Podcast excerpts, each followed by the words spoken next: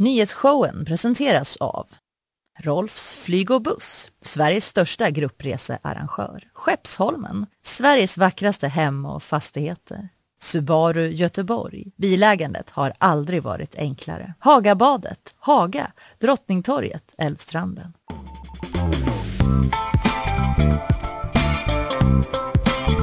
Ny vecka, nya tag. Måndag morgon, nyhetsshowen live från GP. Fanny Wik. God morgon! Vad gott att se dig. Detsamma. Hur mår du efter en helg eh, utan men- jobb? Bra, jag har nästan återhämtat mig efter det här episka pranket Ja. från- Kristoffer Ahlström. Ja, hur, vem visste? Ahlström. Ahlqvist va? Jag blev också Ja, osäker. får men vår sparken. högsta Men- chef heter väl Ahlqvist ändå. Det är korrekt. Man kan... Eh, ja, nej men precis. Jag eh, blev också... Eh, han, jag visste inte att han var sån prankster. Inte jag heller. Eh, Kristoffer. Men han Eh, gjorde det jävligt bra alltså. Ja, för de som missat, han var ju här inne och typ stormade in i sändningen som att vi hade sagt någonting utgivarmässigt helt uppåt väggarna, men så var det bara tårta. och grattis till att det har gått så bra. ja, jag har faktiskt också haft eh, svårt att landa från den.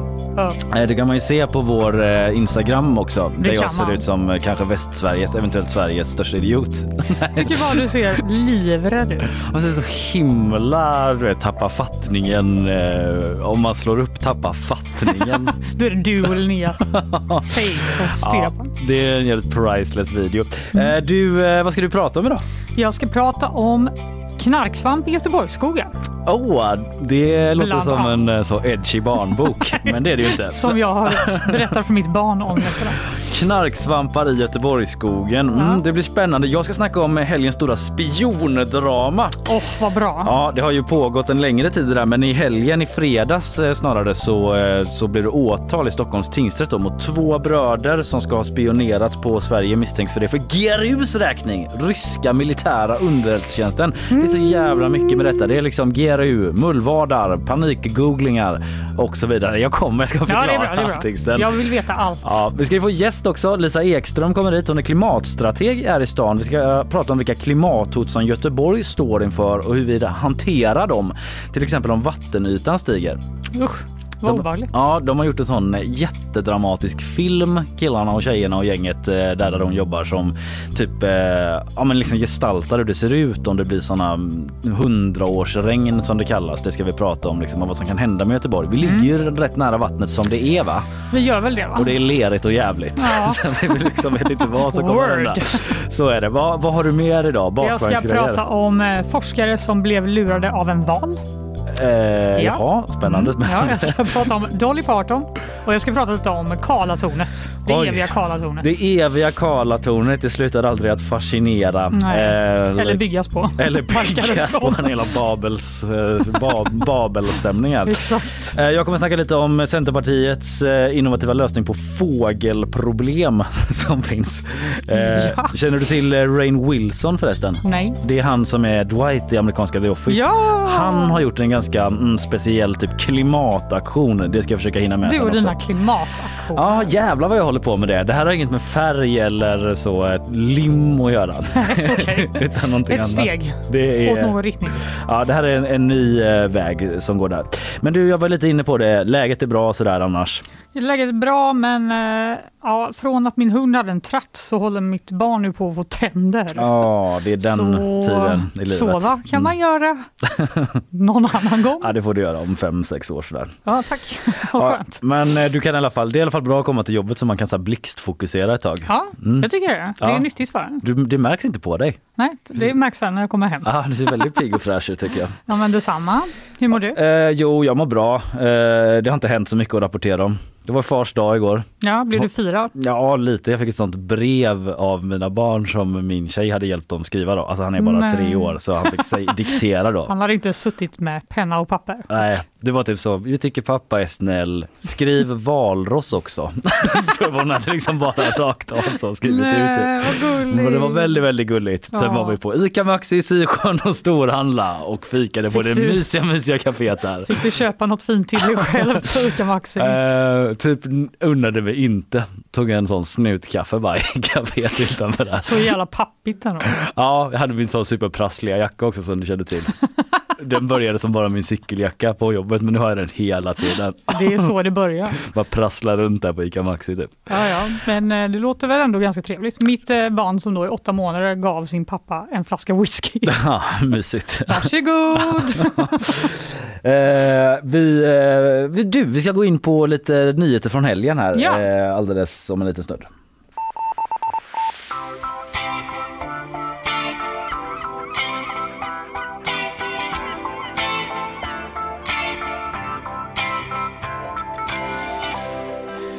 Yes, vi ska köra nyhetsfördjupningar som vanligt men jag tänkte vi ska köra en annan grej nämligen att jag drar tre snabba rubriker från helgen först. Gör det. Man känner måndagar man kommer in, det är så jäkla mycket som har hänt så vi liksom börjar med en liten roundup ganska kort sådär. Första rubriken G20 börjar imorgon på Bali. Alla ska gadda ihop sig mot Ryssland. Oj då. Jaha, hur då? Ja, jo, jag vet inte om du har sett om detta men alltså eh, G20 det går av stapeln då eh, på Bali, börjar imorgon, det är ju världens... Trevligt att de är på Bali. Ja, mysigt ändå. Jag vet inte, jag tror inte de har så mycket tid att bada och så. Men vi får väl se, jag vet inte. Det är ju världens 20 mäktigaste ekonomier som möts då, är ju G20. Och eh, Ryssland är ju inbjudna. Man har inte valt att dra tillbaka inbjudan eh, trots eh, kriget i Ukraina då, deras invasion. Eh, men istället då hur man ska hantera det. Alltså Lavrov, utrikesministern för Ryssland, kommer dit men då skriver The Telegraph att liksom, under mötet så planerar ledare från EU-länderna och Storbritannien att konfrontera, isolera och ignorera Ryssland. Men gud. Ja, De bara, kom gärna hit. Men talk to the hand. vi tänker inte prata med dig. Det är svårt att göra alla de sakerna samtidigt dock. Konfrontera, isolera och ignorera. Ja, de har delat upp det mellan de här 20 länderna. Ja just det, man kanske Ni väl får får, välja. Just det. Ni får konfrontera. Ignorera gänget, gå runt och bara titta rakt fram så. Tunnelseende. Ja, Ja, det var ju lite sp- speciell. Spännande Strategi. strategi. Ja. Vi får väl eh, se vad som, eh, typ hur de löser det. Ja, verkligen. In, inför avfärdar alla fall Storbritanniens eh, premiärminister, den nyvalde då, Rishi Sunak, eh, sagt att eh, det inte ska vara business as, as usual. Utan de ska sätta Putins regim på prov. Och ja, de ska väl helt enkelt göra vad de kan typ för att sätta press på Putin. Det är därför de har bjudit in Ryssland ändå helt Ja, det får man väl för säga. att försöka påverka. Men det går inte så bra i hand med att ignorera och Nej. isolera i så fall. Det Ja. blir bara konfronterat. Det kanske är som du säger, att de delar upp det på 20 liksom. Så fem, sex stycken gör det. Vi Och sex och en halv är det. ja, behöver inte gå in på räkningen. Eh, sista om det är bara Xi Jinping och Joe Biden har ett sånt litet förmöte som är redan idag så det kan man hålla koll på. Oj, Det har aldrig varit så dåliga relationer som sen Nixon-eran skriver eh, New York Times. de kanske också ska ignorera och konfrontera varandra. Kanske. De vill Bara liksom, de två. Joe Biden har sagt att eh, man vill så här, um, ha en bättre kommunikation för att undvika konflikter framöver då. Säkerställa att konkurrens inte leder till konflikt enligt Reuters. Okej, Vilket det väl brukar göra. du, lycka till med det. Alltså liksom ändra hela fundamentet i begreppet konkurrens. Vad tror ni om det här? Ja, detta följer vi i veckan. Rubrik nummer två från helgen. Kampen om Centern är igång. Mhm. Vet du vart de träffades? Nej. I Stenungsund. Det var ett jättesvårt Jo. tråkigt quiz. jo. Förlåt Stenungsund. Yes, det är väl jättefint där. Ja, från kanon. Bali. Jag känner bara från Ja, ja, ja. Bali-stämningen till Väst, Stenungsund. Västsveriges Bali, Stenungsund. Ja, men de träffas där nu i alla fall de här tre kandidaterna. Elisabeth Tand Ringqvist, Daniel Bäckström och Murrahem Demirok. Det är de tre som kan efterträda Annie Lööf. De är ute på en turné nu. Var det de på den samtalar. Kookaburra? Eh, förlåt, prosit? Eller vad, vad betyder det? Vadå, det är väl den enda baren i Stenungsund? Okej, jag har aldrig varit där. Oh det låter God. nästan som något som skulle ligga på Bali snarare. Jag vet. Det är att jag är så inne i sån tropisk stämning. Men okej, de var i Stenungsund. Ja, det var i Stenungsund. Ja. Turnén avslutas i alla fall i Partille Arena. Eh, nej, jag ska bara, det är det inte alls. Det är inte en sån turné. Eh, nej, men det är inte så mycket man vet om dem ännu. Vi får väl tillfälle att lära känna dem, åtminstone den som vinner till slut. Jag bara reagerade på, det var lite citat då, men hon eh, Elisabeth Tand Ringqvist sa Jag har en vision av att Sverige kan så mycket bättre. Jag kommer gå upp 05.30 varje morgon. Man bara jobb, dels jobbar här och typ så alla Sveriges samlade småbarnsföräldrar, hantverkare och skiftarbetare bara eh, Diplom till dig. Varför säger hon det? så. Men för att hon tycker det är för otroligt tidigt uppenbarligen. Ja, jag klippte ju av meningen i mitten där så jag kan fortsätta den be Ja, fair. okej, så här. Eh, Jag kommer gå upp 05.30 varje morgon och tycka det är det bästa jag kan göra. Eller tycka att det här är det bästa jag kan göra. Har man inte den känslan ska man inte göra det här. Alltså man menar väl så här, jag kommer gå upp så sinnessjukt tidigt som halv sex bara för att visa hur mycket jag älskar att vara partiledare för Centern. Okej, Ja. men det är som vi. Ja, det är Fast som eh, vi. vi går upp ännu tidigare. Vi går upp ännu tidigare eh, för vi älskar den här skiten. Mm. vi gör det er day, 'cause we upp. love it. Eh, I alla fall Daniel Bäckström den andra, han, för mig är det viktigt hur vi ska omorganisera vårt parti organisatoriskt och engagera fler medlemmar. Lite snark så. Ja, Men man fattar att det är viktigt internt, man kanske inte det man vinner ett val på. Nej, Men det kanske han kommer nog inte använda det i ett framtida val då. Sista Murheim Demed också. Eh, en sån här valf- valförlust ska vi aldrig mer uppleva som parti. Den känslan vill jag aldrig mer känna. Bara lite kort urval om vad de sa. Sista rubriken från helgen. Eh, Sven-Bertil Taube död. ja, Detta har du förstås sett. ja, det har jag. Känslor, relation till Sven-Bertil? Jag blir faktiskt ledsen, men jag alltså, det var väl inte jättechockerande kanske. Men han är så stilig och bra. Eller vad? Ja, någon sorts sista gentleman Ja, sådär. Det vem- skrev Miriam Bryant tror jag. Men hon har verkligen rätt i det. Mm. Vem kommer upp i hans eh, stil? Ja, nej men han är ju från en annan tid liksom. Ja. Och eh, jag har läst att eh, det var nära att han skulle spela James Bond ett tag till och med. Kan verkligen tänka mig. Men det blev Roger Moore istället. Ja, ja. Men det hade kunnat bli han. Det hade kunnat bli han. Jag tänker också på eh, Sven-Bertil Taube i den här eh, första Millennium-filmen. Där han spelade den här Just gamla. det. Det var väldigt så. Alltså han är ju skådespelare. Ja. Men jag har inte sett hans i så mycket gamla grejer. Men där tyckte jag han var så jävla bra verkligen. Ja, men han var så bra. Jag kommer verkligen sakna honom. Ja, vi kan lyssna bara lite kort när han eh, snackar med Miriam Bryant till Så mycket bättre. För de lärde ju känna varandra. Det var en väldigt Ja. typ så fin vänskap. En vilket- oväntad vänskap. Ja, och det gestaltades väldigt fint av Miriam Bryant när hon eh, la upp på sin Instagram. Men så här kunde det låta typ när de eh, träffades och hängde där. Jag tycker du är så duktig så jag har en liten present med mig till dig här. Nej, men, Det är en, nej. det är en liten akvarell nej. Som jag har målat för flera år sedan på den tiden jag kunde se. Har du målat? Ja. Nej men Sven-Bertil, du får sluta ge mig så mycket presenter. Och vad fin du är. Så väldigt gullig duo typ. Ja. Och att Sven-Bertil Taube målar akvareller också. Han bara, du kan få en av mina akvareller Ja. jag målat. Men lite så allkonstnär typ. Skådespelare, eh, artist Ja, det är klart. och, eh, och eh, Geni. Ja, geni. Och eh, också eh, sjungit in den här eh, låten då. Vi måste bara ta lite av den. Så länge skutan kan gå, Mm. så länge hjärtat Gåshud, kan slå. typ. Verkligen. Nu fäller en tår nu. Ja men man känner det. Ripp. Det är någonting med Sven-Bertil Taube och jag vet inte, någon, någon värme han har där. Eh, ja som sagt det var många som hyllade honom. Håkan Hellström la också upp eh, Stillsam seglat så ett hjärta och, och eh, la upp ett klipp från Ullevi-konserten 2016. Där Sven-Bertil ju var med och. Just det. sjöng eh, För sent för Edelweiss. Gud vad fint. Ja, i en jäkla tolkning. Så eh, tack för allt Sven-Bertil Taube, legend död 87 år gammal.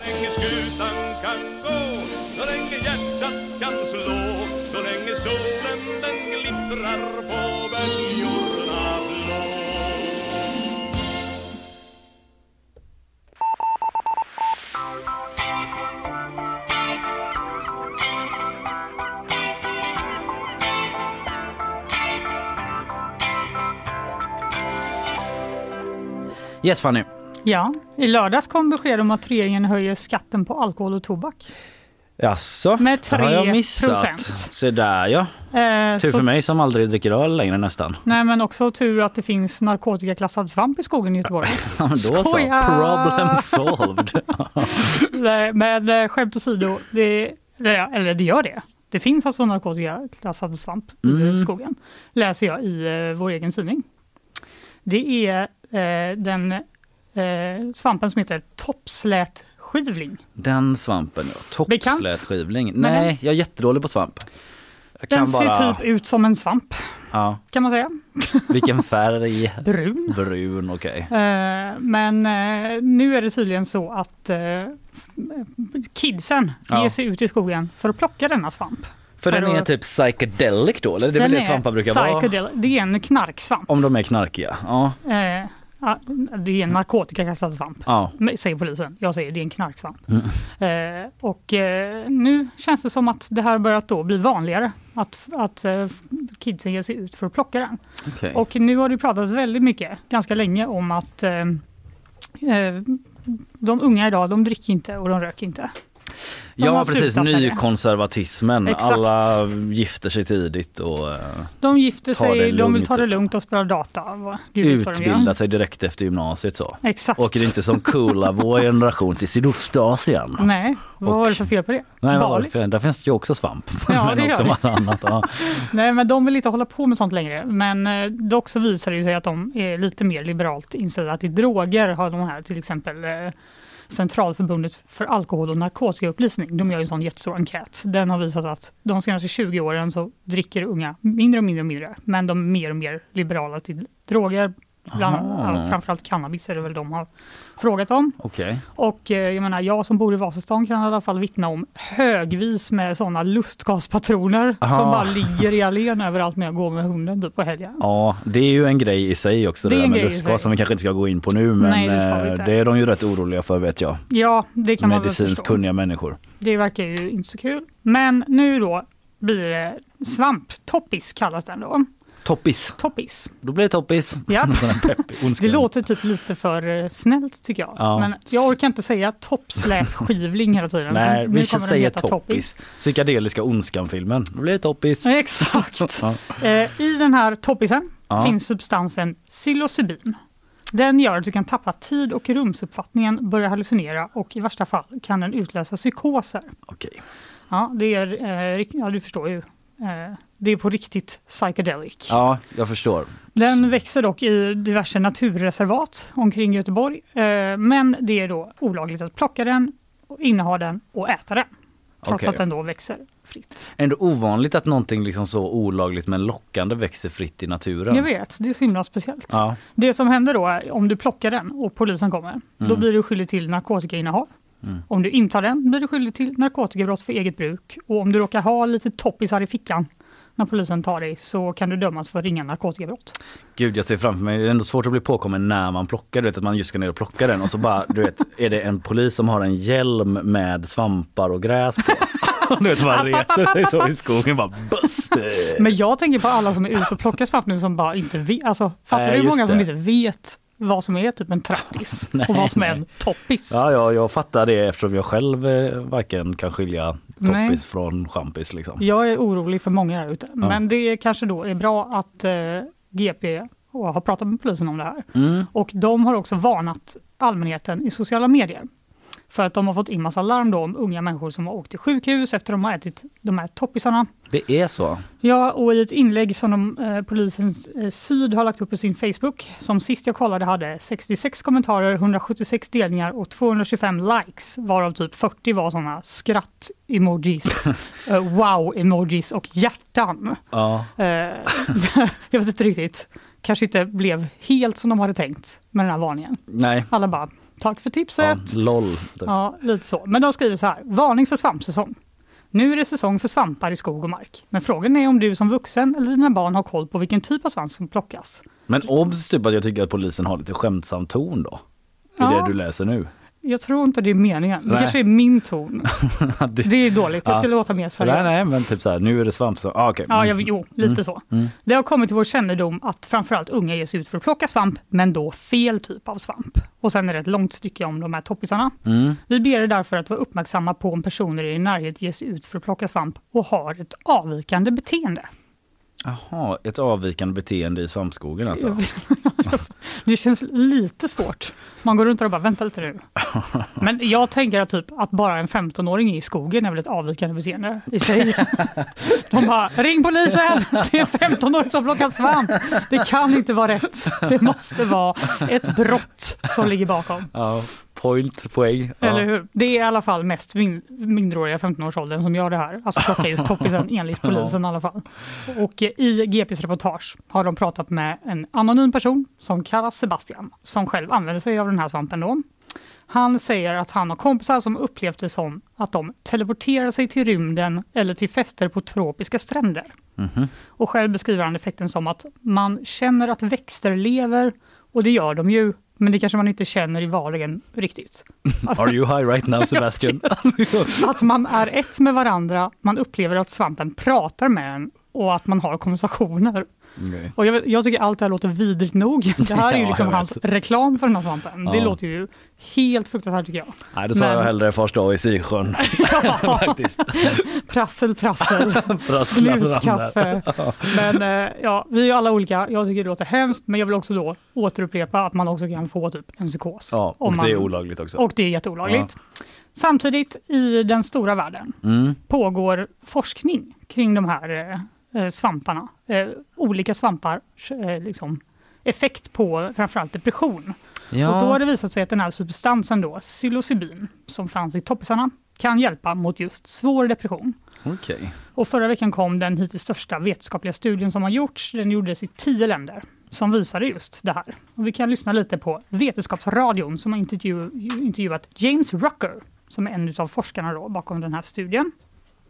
That the brain becomes more chaotic under the influence of psilocybin. Um, your brain becomes uh, more plastic, slightly more chaotic, and it's when new connections are formed. Ja, din hjärna blir mer kaotisk och plastisk. Ja. Jag vet inte riktigt. Plastisk Är är, sugen? jag vet inte exakt vad det innebär, men plastisk i det här. Ja skitsamma, jag vill inte hänga upp mig på det. Nej, jag Nej. blir inte så jättesugen. Nej, jag vet inte. Återigen. Jag tycker, det verkar också vara så. Vetenskapens värld har också sänt en dokumentär i eh, våras som heter Frisk av magiska svampar. Och där pratar psykiatriprofessorn David Nutt. Mm. Åh nej, Nej, olyckligt namn. Ja, han förklarar också vad, då, vad som händer om du tar den här psilocybin-substansen. Han säger så här, du befriar hjärnan från ett tillstånd som du inte varit i sedan du var en liten bebis. Det, men förlåt. Varför vill folk det här? Ja, det låter jättekonstigt. Det låter så fruktansvärt hemskt. Men också han, att han forskar på psykedeliska och heter Dr. Nutt. Ja. Jag måste bara stanna vid det lite. eh, Dr. David Nutt. Ja, precis. Welcome to the fraud, Dr. Nutt. Hello! Att han heter så. I'm Han bara. Mushrooms! I'm crazy, crazy for mushrooms. Ja, Jag, jag vet inte varför. Det är, det är kul. det är Det är roligt. bara ja. Dr. Galding liksom. Ja, Ja. ma, eh, inte en, en vill Dr. ha. Nutt, what's, what's your case? Give me the nut case. Eh, Han har i alla fall eh, eh, forskat mycket om de här svamparna. Han säger också då att förutom att du blir som en bebis så jämför han det med att ska, alltså effekten på hjärnan med att skaka om en sån här snökula som man har på jul. Du vet, Mm. Ja, ja, ja. snön Precis. runt. Ett vackert snölandskap. Ja, när ruset då har lagt sig, då har liksom alla gamla tankebanor lösts upp och nya tankebanor har eh, formats då. Och det kanske kan vara bra om man li- lider av typ svår depression och Mm. tvångstankar och sånt. Annars känns inte jättesugen på att någon ska typ skaka om min hjärna som en snöglob. Nej, Men eh, avsluta alla tankar. Exakt. Men alltså, för att jag antar då eh, såklart att när de jobbar med detta psykedelika som liksom ångestdämpande och sånt att då är det ganska viktigt hur man doserar. Och de, det är inte att man bara går och liksom skopar i skogen. de bara, naturreservat. Ja. vi ses där, se vad som händer, sprid ut er. Nej, jag tror att det är det som är poängen med det här då. Att nu ska vi även göra en studio i Sverige. 30 personer ska rekryteras till Karolinska nu Mhm. i höst. De ska göra en studie på den här substansen eh, mot depression. Då kommer en till eh, forskare och docent som då heter Mikael Tiger. Ja, det är inte riktigt samma Mhm. Nej, nej, men det är bara två, men eh, två goa namn. Goa efternamn liksom. Eh, ja, han eh, säger att eh, forskning på psykedeliska ämnen har fått ett uppsving och beskriver det i GP som en stor hype just nu. Jaha. Ja, Mm. eh, Ja, men jag tycker man att, känner igen det, att, eh, folk, att det har pratats om det. Mm. Ja, och ja, det är väl inte så konstigt egentligen eftersom det ändå är naturliga ämnen som växer ute i skogen. Det de gör dock är ju att det är syntetiskt tillverkad Ja, substans som de ger och de ger det med massa personal där och i jättetrygga rum. ja Eh, det just fattar det. väl alla. men- Ordnade former. Men det är Ja. bra, det är viktigt att säga ändå. Det är viktigt att säga så inte någon deprimerad bara går ut och äter svamp i skogen nu för att de har hört det här. Det ska ni Gör inte. inte det. Eh, det han säger är att han tror, eh, han är säker på att det kommer att eh, bli läkemedel av de här psilocybin när tillräckligt med studier har gjorts. Så in, innan de har gjort det, stay away from toppisarna, Mm. ta det lugnt. Sn- snögloba inte er hjärna Nej. i onödan. Jag gör inte det. Men eh, vad intressant. Eh, verkligen. Jag tänkte på något mer. Men skitsamma. Vi går vidare. Vi går vidare.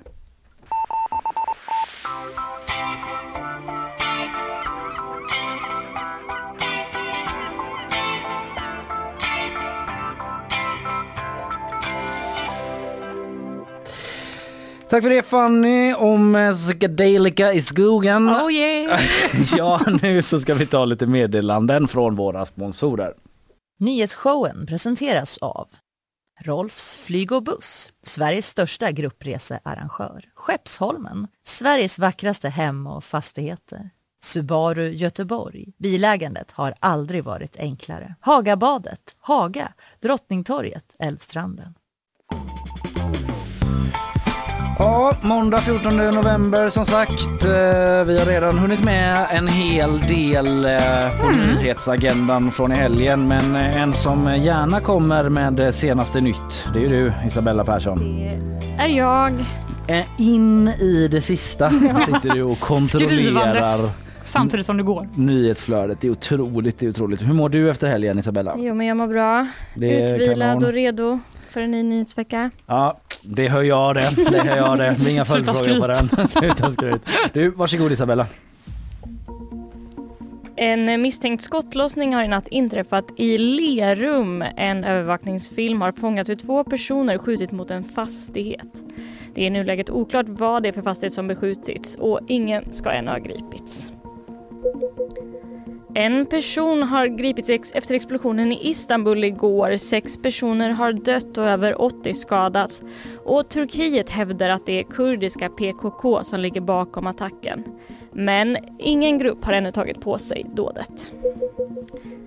Två fartyg med avstängda radarsystem rörde sig vid Nord Stream i samband med explosionerna. Det visar satellitbilder från företaget Spaceno. Enligt företagets VD ska fartygen vara mellan 95 och 130 meter och haft sina AIS-sändare avstängda. Företaget har delat sina upptäckter med NATO men huruvida fartygen har någon koppling till explosionerna är i nuläget oklart. Flera vårdcentraler i landet är kritiska till psykiatrin. Det visar en enkätundersökning som SVT gjort. Nio av tio säger att de tvingats ta hand om patienter som borde vårdats på psykiatrin. Och sju av tio säger att det sker flera gånger i månaden. Från flera verksamhetschefer inom psykiatrin, psykiatrin som SVT pratat om riktas istället kritik mot vårdcentralerna som de anser inte klarar av att hantera sitt eget uppdrag.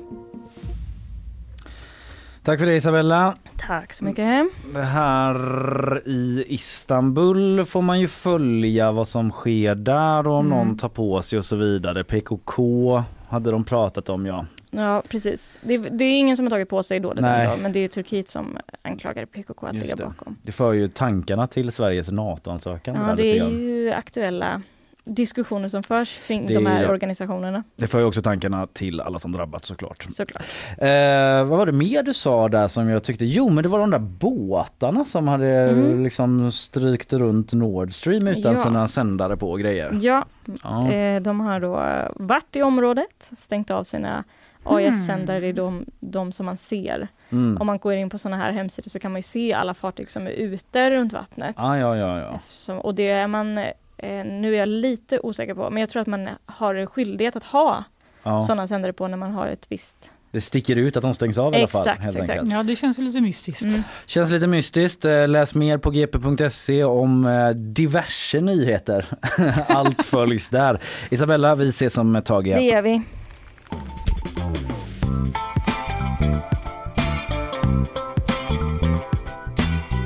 Uh, ja du eh, Fanny, Ja, nu är det min tur ja. att gå in på eh, min lilla nyhetsfördjupning. Jag har ändå suttit eh, ganska som eh, klistrad eller vad man säger kring det här spiondramat som har utspelat sig i Sverige sedan i fredags. Så spännande. Jag känner att jag har missat jättemycket så jag är väldigt glad att du ska nu Ja, men vad lotsa mig skönt. igenom detta. Vad skönt att jag har den typen av publik. Det här har egentligen pågått sedan 2011 då, eh, själva dramat. Men det var i fredags som eh, det bubblades upp igen då eftersom åtal kom. Men vi kommer till allt det där. Vi börjar med att spionbröderna nu har avslöjats. De har gripits och namngetts för att ha spionerat på Sverige och på Säpo och på MUST, militärens underrättelsetjänst, alltså det hemligaste vi har för Ryssland och GRUs räkning. De misstänks för detta, de nekar själva till brott men eh, åtalet är kommet. Det Det ger mig tillfälle att återigen för andra gången på ganska kort tid spela det här. There is a mole. Ja, nu passar det ju verkligen. and has been for years. Vi är sugen på att se. Ja, Tinker Tailor Soldiers eh, Det var jag snackade om eh, den eh, ryska mullvaden i Norge för ett tag sedan. Men i alla fall, nu är det Sverige det handlar om och det misstänks alltså då att en av de här två bröderna har varit mullvad, alltså opererat inifrån Säpo och till och med från den ännu hemligare avdelningen då som är det här topphemliga kontoret för särskild inhämtning som man aldrig hört talas om innan. Kanske Nej. är poängen. Jag bara, ja, antar det. Men det ligger under MUST då, alltså militärens underrättelsetjänst och är liksom den allra hemligaste delen av eh, den organisationen. Och där inne har man kunnat konstatera då att There is a mole. Ja, men jag ska strukturera upp det lite grann eh, så att alla hänger med på den här ganska otroliga historien. Det handlar alltså om två bröder som är misstänkta nu för grovt spioneri. De heter Peyman och Payam Kia, 42 respektive 35 år gamla. Och de misstänks då eh, ha jobbat på uppdrag av Rysslands militära underrättelsetjänst GRU. Och det var förra hösten, hösten som den här äldre brorsan då Peyman som då var en högt uppsatt chef på Livsmedelsverket han hade liksom eh, börjat jobba där istället.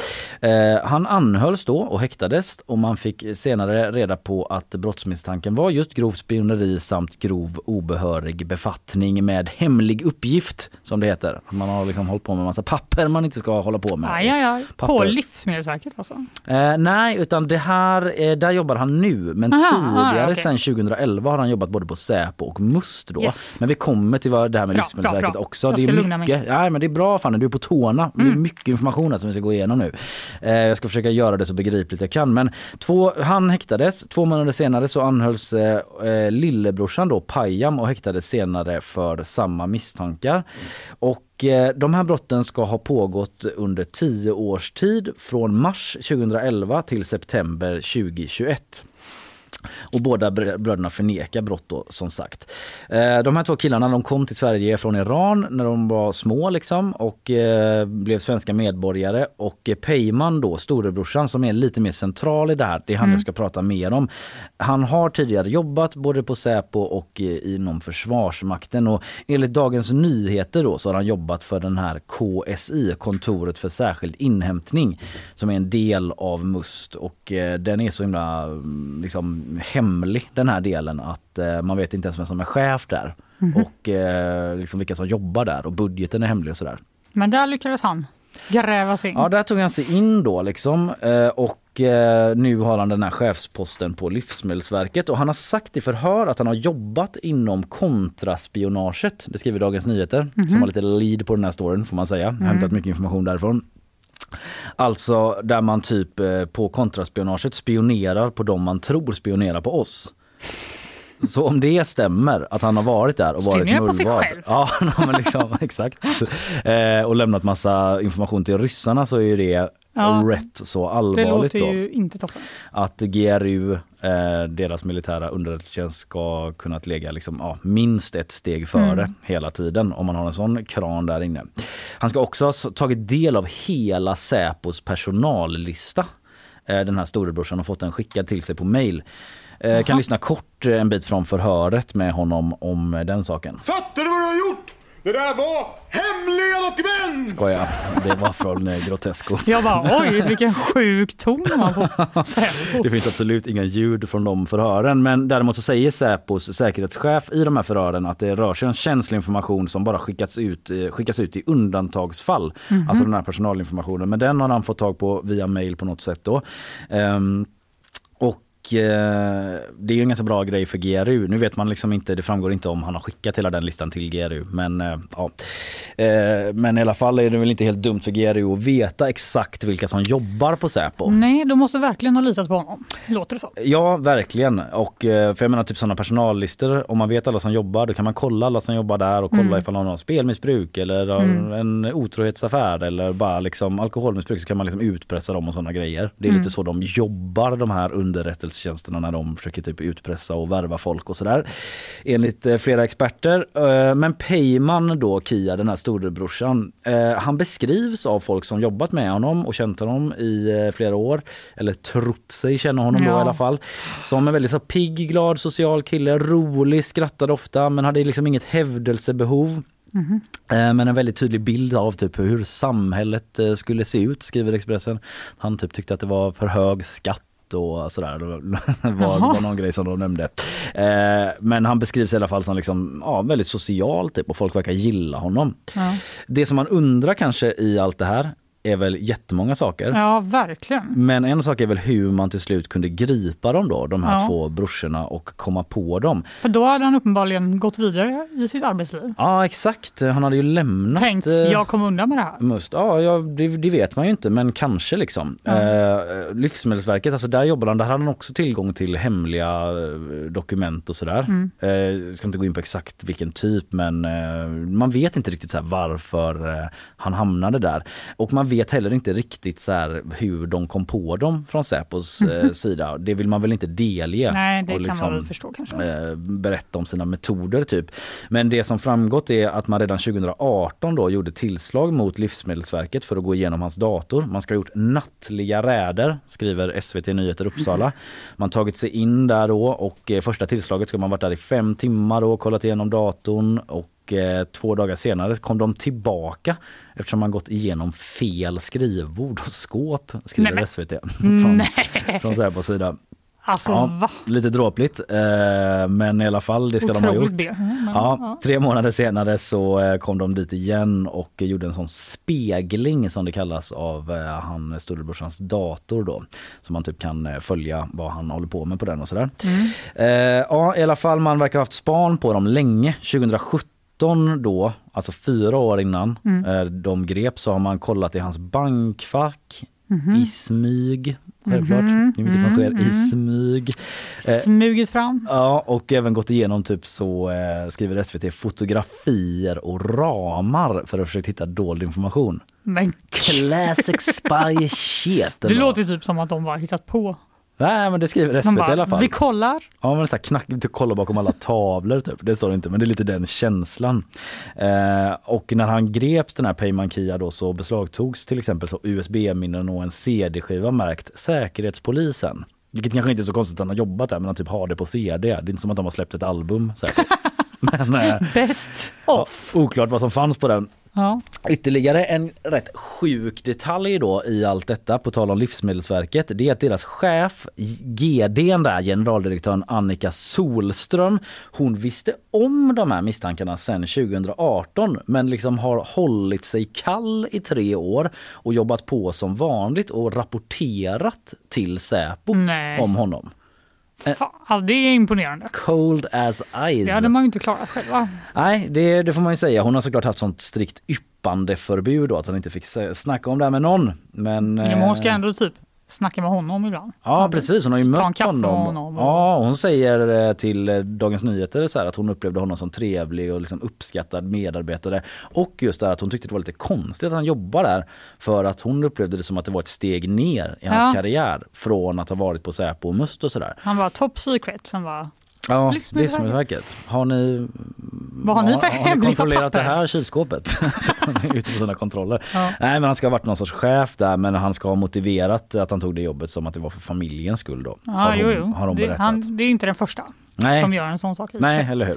Det är väl en helt okej rimlig förklaring. Men Mm. i alla fall då, eh, vi har snackat mycket om den här storebrorsan då som till slut greps. Eh, oklart vad det var som gjorde att man slog till exakt där och då, men det gjorde man i alla fall och nu är åtalet igång. Lillebrorsan då, eh, han rapporteras inte liksom om att han har haft eh, sådana befattningar där han har kommit åt eh, hemliga uppgifter. Däremot så finns det saker som tyder på att han eventuellt ska ha haft liksom, kontakt med att eh, typ, distribuera saker. Eller man kan tolka själv, men jag kommer till vad, det, vad som eh, sägs om det. Men något som sticker ut, som det har rapporterats om, är att eh, efter storebrorsan greps så gick det några månader. Under den tiden så skriver flera eh, tidningar om så här, eh, lillebrorsans panikgooglingar.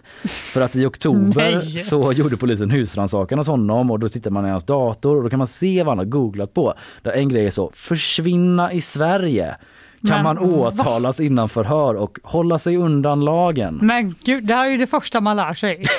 Om du har gjort ett brott, googla inte hur du ska komma undan med det brottet. Ja precis, det har man ju sett på tv. att Alltså, kan kolla gud vad sånt. dålig spion. Men också äkta panik att först googla försvinna i Sverige och sen hålla sig undan lagen. Typ så att det är ganska, fan jag hittar bara en sån tråd på familjeliv typ. Vad, vem är det här som har svarat? Det en pappa i Täby liksom. Vad vet Åh, han om det egentligen? Någon som fått så parkeringsböter och bara, hur ska man hålla sig undan? Ja, exakt. Det är där han har varit och trålat. Nej men det var bara lite roligt i sammanhanget då liksom att han ska ha varit inne och, och, och eh, googlat. Han är liksom Det är ju så, lite sad att det är så här den sämre brodern, lillebrodern, Ja. som försöker typ komma upp till storebroderns nivå av spioneri. Fram- Det här är min, min ja, tolkning. Exakt, framstår ju så. Ja, men precis, det är inte sån riktig sån James Bond shit. Och Nej. bara hur tar jag mig ut ur landet utan att bli upptäckt typ. Q, get me Google. Typ. Nej, men i alla fall eh, för att styra tillbaka lite grann till det jag pratade om innan. Han har också kontaktat då, det visat sig via de här eh, uppgifterna man hittat i datorn, olika danska hotell och kollat om de kan förvara paket som sen hämtas av en gäst som anländer några dagar senare. Vilket Mhm. låter lite suspekt i eh, sammanhanget. Mm. Typ att han har mejlat dem bara hej, jag har ett paket här, eh, kan jag lämna det hos er så kommer någon och hämtar det sen typ. Ja, inte att hotellet tycker det är så konstigt men det ska han ha mejlat i alla fall. Han ska också ha haft anteckningar i mobilen där det står 800 000 månaden GRU. Jag skojar inte nu, utan det stod i hans Va? anteckning i mobilen. Vadå, han skulle komma ihåg hur mycket pengar han skulle få? Oklart, man vet inte varför. Han bara, hur ska jag komma ihåg det här? Ja, det är bäst jag 800 skriver i 000 en var det. anteckning. Ja, han nämner GRU igen och skriver blir som GRU-grejen och är frustrerande och inte optimalt. Också från DN som jag läser detta. Han behöver lätta sitt hjärta. Ja, jag vet inte. Han eh, verkar vara rätt oförsiktig. Ja, det Om detta nu stämmer, de förnek, han förnekar dock allt samröre med GRU och säger att polisen är helt ute och cyklar och sådär. Det skriver Aftonbladet. Eh, det finns jättemånga detaljer om detta. Jag hade kunnat fortsätta hela morgonen. Det ska jag inte, men eh, man kan läsa i alla fall liksom bara för att förstå typ hur stort det här är. Eh, vi på GP har en artikel eh, till exempel eh, där vi snackat med David Bergman som är vid Försvarshögskolan liksom och har koll på läget. Och han säger att de här spionbröderna kommer att bli ett permanent kapitel i Sveriges spionhistoria. Mhm. Typ alla faktarutor till texterna är så här Stig Bergling, typ, Ja, det är på det. den nivån.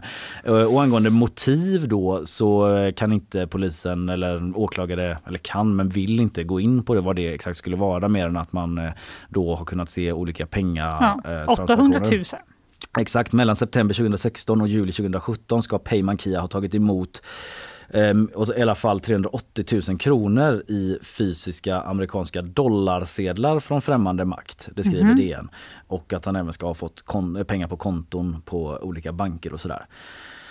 Så eh, en jävla spionskandal som eh, rullas upp i Sverige Ja, där två bröder misstänks ha lämnat topp, topp, topp hemlig information till ja, inte vilken uträtt, eh, underrättelsetjänst som helst utan ryska militära underrättelsetjänsten, GRU.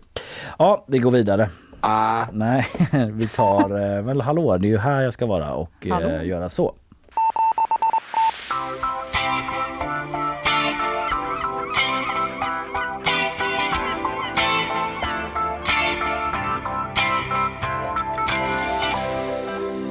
Yes, det om det. Om en liten stund så får vi gäst här i programmet. Vi ska snacka om eh, krisberedskap och klimathot kan man säga. Lisa Ekström är klimatstrateg på Stadsbyggnadskontoret här i Göteborg.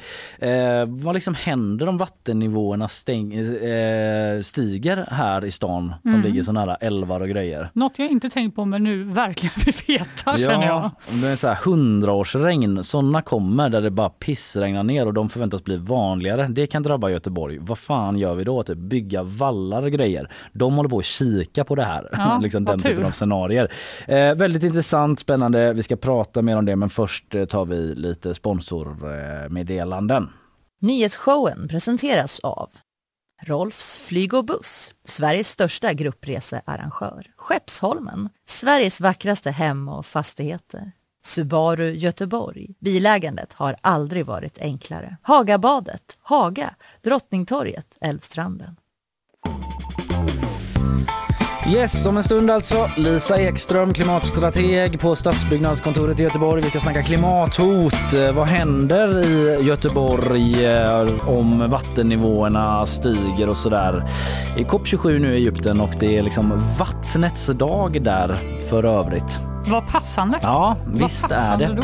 Vi ligger kvar eh, och vilar på gingen, släpper in Lisa, tar lite kaffe så är vi tillbaka om någon eh, knapp minut eller så.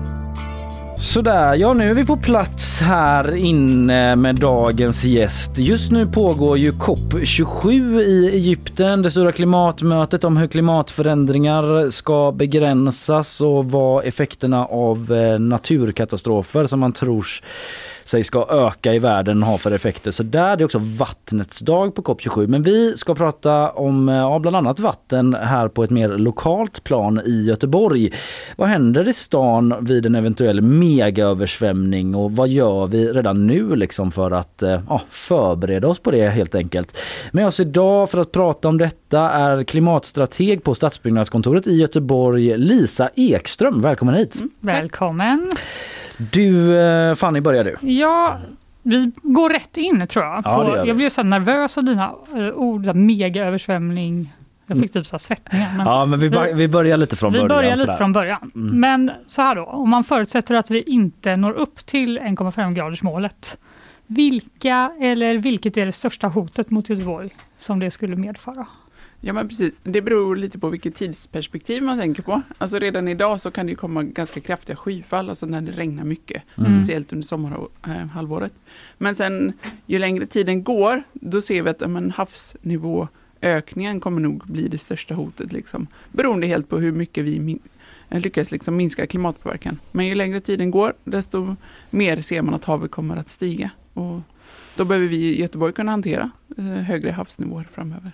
Är Göteborg känns ju som en av Sveriges, jag vet inte om du kan svara på det, men känsligare städer för just den typen av scenario. Ja men det, det tror jag man kan säga. Mm. Eh, dels så är liksom Göteborg, Göteborg byggts, den har byggts av en anledning. Det var nära havet, nära handelsvägar och sådär. Mm. Eh, och i ett träsk som vi liksom har fortsatt fylla ut och bygga på. Så vi ligger väldigt lågt. Ja. Omgivningen runt omkring lite, ligger lite högre. Vi har Göta älv som rinner rakt genom staden. Vi har havet och så såklart skyfall också då. Mm. Så ja, Ja, eh, jobbigt läge typ. Men I alltså, ett träsk där vi har valt att bosätta oss. det är här vi bor Perfekt. nu i det här träsket och vi får göra det bästa med det. Ja, det får vi verkligen. Men jag funderar också på, det måste vara väldigt speciellt att jobba med så här, eftersom ni inte, vi vet ju inte riktigt hur det kommer gå. Vi vet inte hur, alltså, hur långt ifrån målet som vi kommer komma. Eller, alltså hur är det att jobba med så oklara scenarier? Ja, men det, är- det är svårt, men det är spännande. Men Ja. man får liksom också på något sätt, vad är det vi vill försöka uppnå? Och sen så får man också anpassa efterhand. Alltså kommer det ny kunskap, ja men då får vi ta till oss det och så se, kan vi omvärdera eh, våra beslut, hur vi ser att vi behöver planera staden. Mm. Så vi, vi följer ju liksom eh, nya forskarrapporter och sånt eh, när det kommer. Men vad är det för typ av scenarier? Har ni världens största mindmap med typ så tusen olika scenarier? Eller finns det några huvudsakliga som så här, det här behöver vi vara förberedda på? Ja, nej, men vi, vi följer ju IPCCs eh, scenario Mm. och som sen då SMHI tolkar för liksom Sverige och lite mer lokalt. Mm. Eh, Så de, de liksom scenarierna följer vi och då har vi faktiskt tagit det värsta scenariot. Tyvärr Mm. är det det vi ser att vi går emot liksom. Men för att ta höjd. Mm. Göteborg har legat där, där det finns liksom 400 år och vi Mm. ser ju att staden ska kunna fortsätta finnas här också många hundra år framöver. Ehm, och vi har liksom Ja, men vi har krav på oss att titta på en planeringshorisont på 100 år, men vi vill ju gärna att Göteborg ska fortsätta funka även om 2, 3, 400 år också. Ja, Ja, det vore väl skönt. men det här värsta scenariot då Mm. eh, som ni utgår från, eh, det ingår kanske jättemycket saker i det, men det är en uppvärmning till typ Eh, ja, men det beror lite på vilken tidshorisont. Ah, ja, liksom. okej. Mm. ja. Ja, jag förstår.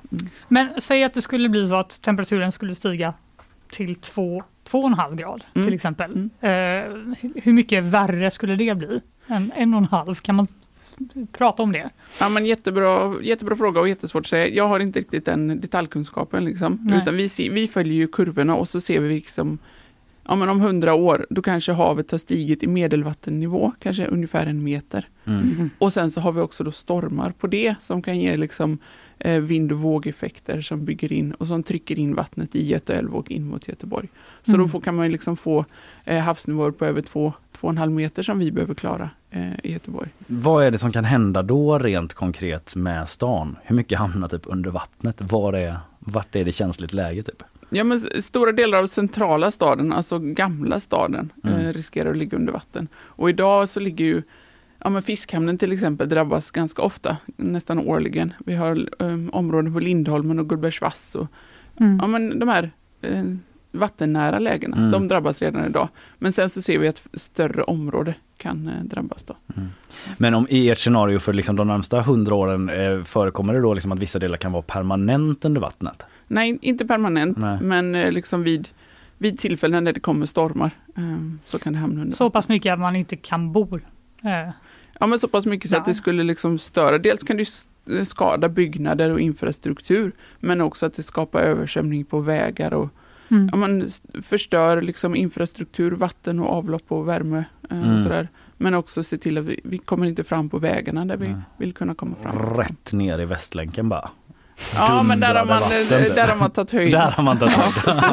Det var ju bra i alla fall. Oh, Bara forsar in typ på oh, öppningsdagen. dålig stämning. Men alltså bara för att vara kanske lite övertydlig då, men att om det typ ehm, Ja men liksom man inte klarar 1,5 graders målet då liksom det är ändå varnas ju konstant för den. Det Mm. kommer ju någon rapport bara typ häromdagen om det. Eh, då är det ändå liksom bedömer ni det som en ganska stor risk att den här typen av, ja, i alla fall kraftiga översvämningar kommer att drabba den här stan. Ja, ja, Ja. men precis. Och ju längre tiden går, desto oftare blir de. Liksom då. Alltså hur då? Alltså ju längre tiden? Ja, men ehm, Ja, ja. medelvattenståndet ökar liksom, Mm. och då får vi då, då liksom minskar ju marginalen på som Mm. vi har. Och kommer det då stormar så, så blir det översvämningar. Just det, just det. Ja. Men hur gör man då för att skydda sig mot ett stigande hav? Mm. Ja, men vi, vi har jobbat ganska länge med de här frågorna i Göteborg. Just vad händer när vi får för mycket? Oavsett om det är för mycket vatten i våra vattendrag eller från när det regnar eller när havet stiger. Och så har vi liksom modellerat upp vad händer, vart hamnar vattnet? Och så har vi sett vad kan vi göra åt det? Ja, men på kort sikt, på typ 20 år, så ser vi att på de områdena som ligger lågt idag, eh, som drabbas, där skulle vi behöva bygga upp eh, liksom vallar eller höja kanten eh, längs med älven och havet. Ehm, Hur och så- höga skulle de vallarna vara typ? Ja, men det som vi ser är typ, eh, typ två och en halv meter. Just från liksom havet, eh, eller från vattennivån. Då ser man inte över Alla dem. som har Om köpt, köpt sig ett sånt riktigt gött havsnära boende. Bara, Exakt. hej då! Men- man sitter men det är på liksom över, från- övervåningen i så fall. om man ska Men det är ju från, från vattennivån liksom. Många områden kanske ligger på plus två meter idag. Så det blir ingen, Just det. ingen jättemur eller vall sådär. Det har ni tänkt på, inte jag. Just det, räkna från vattennivån Kalle. Mm. Ja, just det. Den lilla... Ja, ja, okej, så man behöver bygga den typen av vallar och, eh, och, sådär. Alltså vad är det mer för lösningar? Du var kanske på väg mot det innan jag Ja, ja, kastade mig in här. Nej. Nej, men på kort sikt ser vi Ja. just att vi behöver höja kanterna liksom, på Mm. något sätt. Mm. Eh, Men helst ska det ju smälta in i stadsmiljön. Liksom. Det kan ju vara en gräsbeklädd yta eller på vissa ställen kanske man låter det svämma över för att det är helt okej. Det är en park. Vi kan låta det svämma över då och då. Liksom. Bevara våtmarkerna, det är inte samma sak. eh, Nej, men det skulle kunna ja. bli-. En, en sak framöver också. Eh, Nya våtmarker. Mm. Men jag har hört om någonting som heter havsportar, eller typ portar. Mm. Vad är det för någonting? Ja, men det är en, en slags stora portar som man stänger när man får liksom en varning att nu kommer det en storm, nu kommer havet stiga. Ja, men då stänger man eh, de här portarna då. Eh, och vi ser att vi skulle behöva det i Göteborg också om ungefär 50 år. Mhm. En port som är någonstans utanför Älvsborgsbron och en port som är i Nordre älv-grenen, liksom, så att inte vattnet kommer från Nordre älv och så rinner in i Göteborg. Så Mhm. någonstans sydväst om Kungälv behövs också en port. Men vad skulle man alltså stänga en port över hela jävla eh, älvinloppet där liksom? Ja men precis. Alltså kanske inte hela en port utan vissa delar kanske är en vall också. Ja, Men, eh, men så att man, när man får en förvarning så, så stänger man till. Mhm. Samtidigt så kommer det fortfarande vatten uppifrån. Alltså vatten kommer från Göta älv, det kommer från Mölndalsån och Säveån. Aha. Så där behöver man också se till att det finns stora pumpstationer som kan pumpa ut det vattnet som ändå kommer då. Det låg... Men hur, ja. jag fattar inte. Alltså, för hur då åker vattnet tillbaka då? Alltså, jag tänker, borde det inte bara samlas upp vid porten? Jo men eh, vattnet som, man stänger porten Mm. och så stoppar man liksom vattnet utifrån när havet stiger. Mm. Och då är det ju förhoppningsvis lägre vattennivå på insidan liksom, i Göteborg, centrala Göteborg. Mm. Men sen så kommer det ju vatten från våra vattendrag, från Göta älv, Mm. som hamnar på insidan av porten som behöver pumpas ut, liksom, utöver. Och det pumpar man rätt ner i vasken bara? Eller man Nej, pumpar? man bara pum- pumpar det över. Liksom. Ja, just man Eh, pumpar det pump- över. ja. Gud vad det är mycket man Ja, inte men jag får förstår. ändå bara så här, Ja. vad tar allt vägen? Det, Ja. typ, summan borde ju vara detsamma. Om ni fattar. Jag ska inte Nej, ens, nej, eh, men upp, precis. jag ska inte bjuda in er i min hjärna, utan eh, strunt samma. De här portarna finns väl idag redan?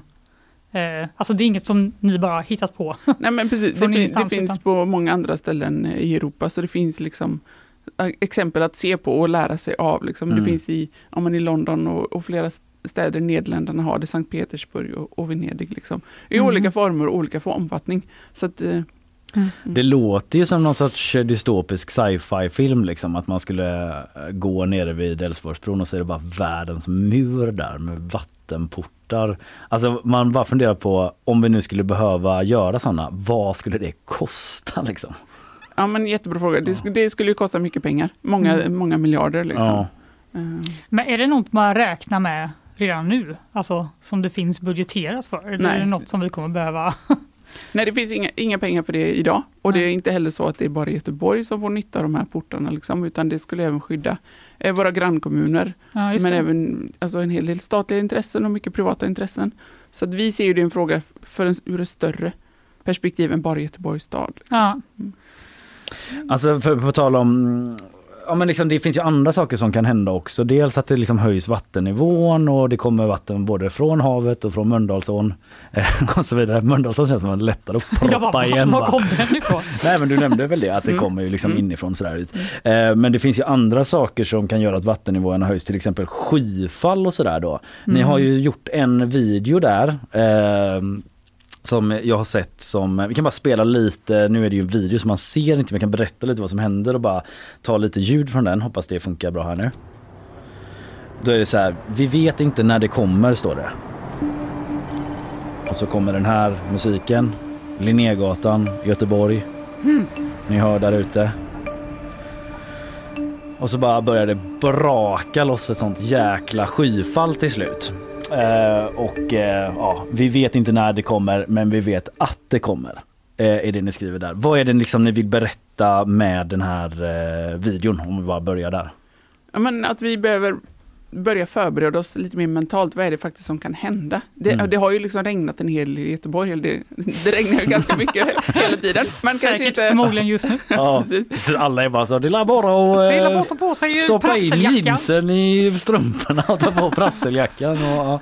Ja, men, precis. men vi är inte liksom vana vid de här kraftiga skyfallen som kommer sommarhalvåret, liksom, när det regnar kopiöst mycket under väldigt kort tid. Mm. Det, det har vi liksom inte behövt uppleva än i Göteborg. Mm. En del städer, ja men Malmö åkte på ganska mycket regn här för några år sedan och det är liksom, ja men det lam, lamslog en hel del Mm. eh, av staden. Ja, typ- Köpenhamn också. Och Gävle regnade mycket fast kanske lite längre period men där såg man ju liksom bilder från Gävle att stora delar av staden låg under vatten. Ja. Mm. Men typ i har Tyskland var det ju också så Ja. att liksom det bara Precis. raserade hur mycket som helst. Ja förlåt, du var, Mm. skulle fortsätta. Nej, men, och vi har ju liksom inte behövt uppleva det här i Göteborg Nej, än, som nej. tur är. Men, så det är lite så här, ja, men skapa en bild av vad faktiskt kan hända. Nu är den filmen, eh, ja men den är ganska mörk om man säger Mm. så. Ja, jag blir jätterädd. Det är ganska högt produktionsvärde, den är rätt cool liksom. För sen börjar det regna skitmycket så ser man hur det bara liksom svämmar över, vatten går liksom till nästan bilarnas tak på Linnégatan så. Den är ganska drabbande ändå, effe- eller effektfull. Mm. Ja, men, och det är det som är lite syftet också, visa vad är det som faktiskt kan hända. Liksom. Mm. Att vattnet har en väldigt stark kraft, speciellt när det blir lite större djup och lite större hastighet som det kan bli då när, när man har en sluttande gata precis som Linnégatan. Mm. Mm. Just det. Så, mm. Men det känns faktiskt som att redan idag om det blir väldigt mycket regn så ganska snabbt så blir det ju problem med typ tågen och alltså det känns som att vi inte ens är anpassade för regnet som vi har idag. Nej men det, det händer ju saker en hel del, eller en del redan idag. Ja. Alltså just när det regnar en hel del, ja men det kan bli stillastående trafik liksom om, Mm. om det blir för stort eh, djupt på, på vägarna. Så. Mm. Och, och en hel del källaröversvämningar också. Mm. Mm. Men det här eh, begreppet hundraårsregn då som Mm. eh, ni pratar om, vad är det för någonting? Ja men det är ett regn som statistiskt sett Mm. eh, inträffar vart hundrade år. Liksom. Mm. Som är jättekraftigt. Ja, då, då, då skulle det regna väldigt mycket på, på en kort tid. Liksom. Mm. Men är det statistiskt, är det nära förestående det här regnet? När var det senast? Ja, det undrar man ju. Ja, men i Göteborg så har vi ju faktiskt inte vad jag vet i alla fall, jag försökte leta i statistiken, drabbats just av ett hundraårsregn. Men i- Malmö var det det och i, i Gävle också. Mm. Har man liksom, I Gävle var ett tusenårsregn, alltså ett regn som inträffar vart tusende år. Liksom. Mm. Så det kan komma när som Ja, men det, helst. kan- och det är det som är med skyfall, att det kan komma nästan när som helst på sommarhalvåret. Halvåret, och det är väldigt svårt att förutse, det blir ganska Mm. lokalt. Liksom. För nu eh, när man talar om klimatet och så, så talar man ju ofta om att extremväder kommer bli allt vanligare. Ingår den här typen av skyfall i det också? Ja, ja, men det gör det. Både skyfall och höga flöden i våra vattendrag och Mm. sen också då högt vatten i, i havet Ja, ingår det. liksom i dem. Men hur gör man för att skydda sig mot det här regnet då?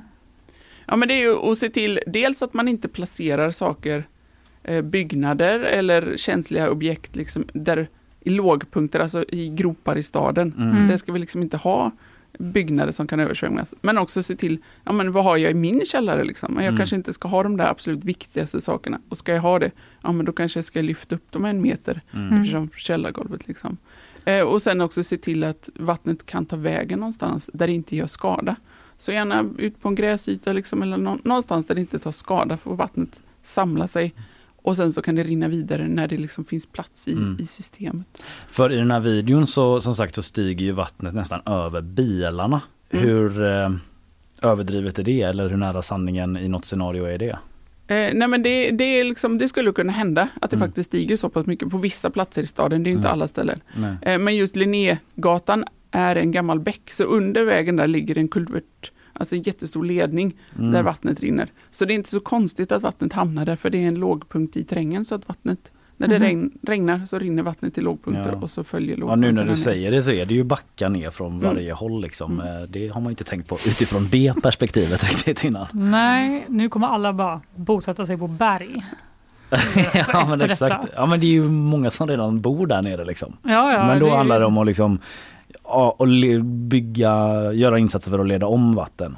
Ja, precis. Dels leda om vatten och leda bort det från där det inte ska hamna, där det absolut inte ska hamna. Men sen också se till, kan man, ja, men ska man, kan man skapa dammar lite högre upp i systemet där vattnet kommer ifrån? Mm. Eller kan man skapa någon form av liten vall som kan också fördröja vattnet eh, lite högre upp? Det kan ju vara på ett torg eller ja, en lekplats eller Mm. en park.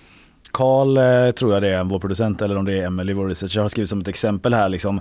Eh, på Göteborgs stads hemsida sida kan man kolla hur det maximala vattendjupet skulle vara på en plats vid ett hundraårsregn. Alltså hemma hos mig då har de kollat skulle det vara på en halv meter vatten. Men eh, du Fanny skulle klara dig på en decimeters höjning. Jag visste att det fanns en anledning att man inte skulle bo så nära havet. Äh, ännu en perk med att bo i Vasastan. Våning fem. Who would have thought att det var chill. Exakt.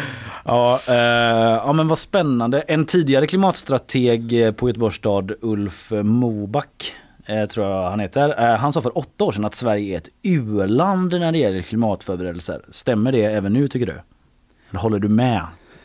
Ja, men vi har väl inte, vi har liksom inte behövt göra så mycket hittills. Vi har varit väldigt förskonade om man, om man ser mot ja, men till exempel övriga delar av Europa. Mm. Så ja, vi har inte behövt förbereda oss så himla mycket än. Så vi har, vi har mycket kvar att göra. Dels liksom att, att förebygga åtgärder så att vi kan bygga och planera oss ur det. Men också vad, vad gör vi när det faktiskt sker en händelse? Har, har vi liksom beredskap? Har vi förberett oss för det? Mm. Ja, för det, jag tänker att det byggs ju väldigt mycket i Göteborg just nu och vi Mm. bygger ju till exempel en liten, liten ö vid Järntorget, Masthuggskajen. Eh, är det liksom anpassat för att vattnet ska kunna... Alltså, det känns kanske inte som det, den platsen jag hade valt då. Efter Nej. jag har lyssnat på det här. Bygga i precis. havet. Nej, men, och, men där just vid Järntorget, vid Masthuggskajen, där, där kommer man liksom lyfta upp, hela den eh, halvön som byggs ut kommer man lyfta upp eh, ganska högt så att den ska klara sig. I alla Ah, fall ur ett hundraårsperspektiv. Men eh, förhoppningsvis ska ju den stå väldigt länge. Ja, Ja gud, det är mycket att fundera på. jag är jätterädd nu. Jag vet inte. Vad, ska man vara det? Känner du typ varje gång det börjar regna att du bara nej, nu kommer det aldrig sluta? Nej, nej, det gör jag inte. Men jag tänker att man ska på något sätt förbereda sig och också se över sin egen situation. Mm. Vad har jag för, ja men vart har jag de mest värdefulla sakerna för min del liksom? Mm. Eller har jag en elbil, ja men då kanske jag inte ska ställa elbilen på en jättelågt belägen parkering liksom. Om det börjar regna. Mm. Ja. Ja, gud vad intressant och spännande. Lisa Ekström, klimatstrateg på Stadsbyggnadskontoret. Vi kanske får tillfälle att bjuda hit dig igen. det Annars känns kan man absolut. surfa in där på och kolla den här filmen. Eh, om man Mm. vill eh, se en dystopi av Göteborg. Och eh, kanske en varning inför framtiden. Eh, Lisa Ekström, eh, tusen tack. Tack. Tack. Vi är snart tillbaka. Då blir det lite bakvagn med eh, nyheter som gått eh, från dygnet. Så häng kvar. Ja. Yes, eh, sadlar om gör vi här eh, med att vår gäst har lämnat oss och in i studion har Isabella Persson kommit för att ge oss eh, ett nyhetssvep. Sen ska vi in i bakvagnen. Vad har du ja. där idag Fanny på G? Ja, men jag tänkte prata, prata om lite forskare som lurats av en val och jagat bajs till Ryssland. Okej, det eh, låter eh, kanon. I'm intrigued. Exakt. Eh, något, an- något annat som låter kanon det är ju våra sponsormeddelanden. De kommer här. Nyhetsshowen presenteras av Rolfs flyg och buss, Sveriges största gruppresearrangör. Skeppsholmen, Sveriges vackraste hem och fastigheter. Subaru Göteborg. Bilägandet har aldrig varit enklare. Hagabadet, Haga, Drottningtorget, Älvstranden. Ja, som utlovat så ska det bli eh, nyhetsuppdatering här med dig Isabella. Hallå, hallå, hallå. Hallå, hallå, hallå. Har du liksom varvat igång eh, måndagshjärnan eh, liksom helt upp och ser framför mig det ibland typ att du liksom tar en sån eh, Matrix-sladd i bakhuvudet och bara tjoff, rakt in i nyhetsflödet. Så. vi Helt så Bara bara strömmar in i hjärnan. ligger där i en kuvös så och bara får till sig alla nyheter och sen när det är dags för svep så låter bara inte vaknar du ur den. I wish. I wish ja. Det är drömförutsättningarna eh, här på GP som alla önskar att vi skulle kunna få det så. Men det får vi ta med fack och HR och sådär. Eh, nu så ska du få läsa din eh, nyhetsfördjupning. Varsågod Isabella. Tack så mycket. I juli förra året sköts en man till döds på en frisersalong eh, vid Marklandsgatan här i Göteborg. Tidigt i utredningen spreds filmer från mordplatsen men först nu, 16 månader senare, åtalas två personer för inblandning. En tidigare ostraffad 19-åring åtalas för mord och en 20-åring för bland annat medhjälp till mordet. En person har gripits efter explosionen i Istanbul igår. Sex personer har dött och över 80 skadats och Turkiet hävdar att det är kurdiska PKK som ligger bakom attacken. Men ingen grupp har tagit på sig dådet. Två fartyg med avstängda radarsystem rörde sig vid Nord Stream i samband med explosionerna. Det visar satellitbilder från företaget Space No. Enligt företagets VD ska fartygen vara mellan 95 och 130 meter och haft sina AIS-sändare avstängda. Företaget har nu delat sina upptäckter med NATO men huruvida fartygen har någon koppling till explosionerna är i nuläget oklart.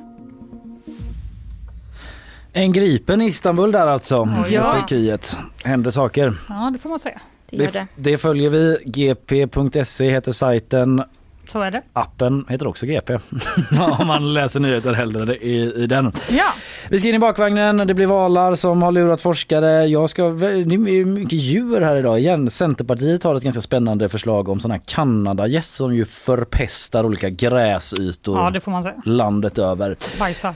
Eh, berätta gärna mindre om vad du ska göra eh, om en stund. Nej, jag ska... Kalle!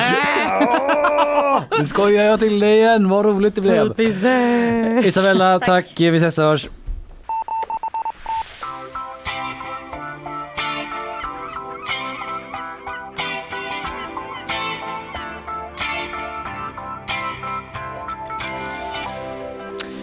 Storsejen har länge varit en fisk som förbryllar forskare i Norge. Storsejen. Storsejen. Storsejen. Det läser jag på SVT Sápmi. Mm. Där sitter Den, de och eh, grunnar. Ja, där sitter de och forskar om. Hvordan tänker den och gör?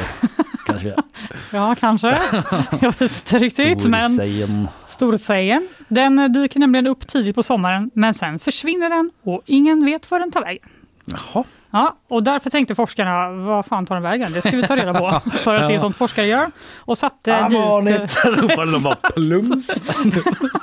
Och de satte dit eh, tio satellitsändare Okej. på tio små, st- små stora Ja, storsejar, Ja. eh, för att då ta reda på vad de tog vägen under hösten. Och nu skulle de få svar. Mm. Istället blev de förbryllade.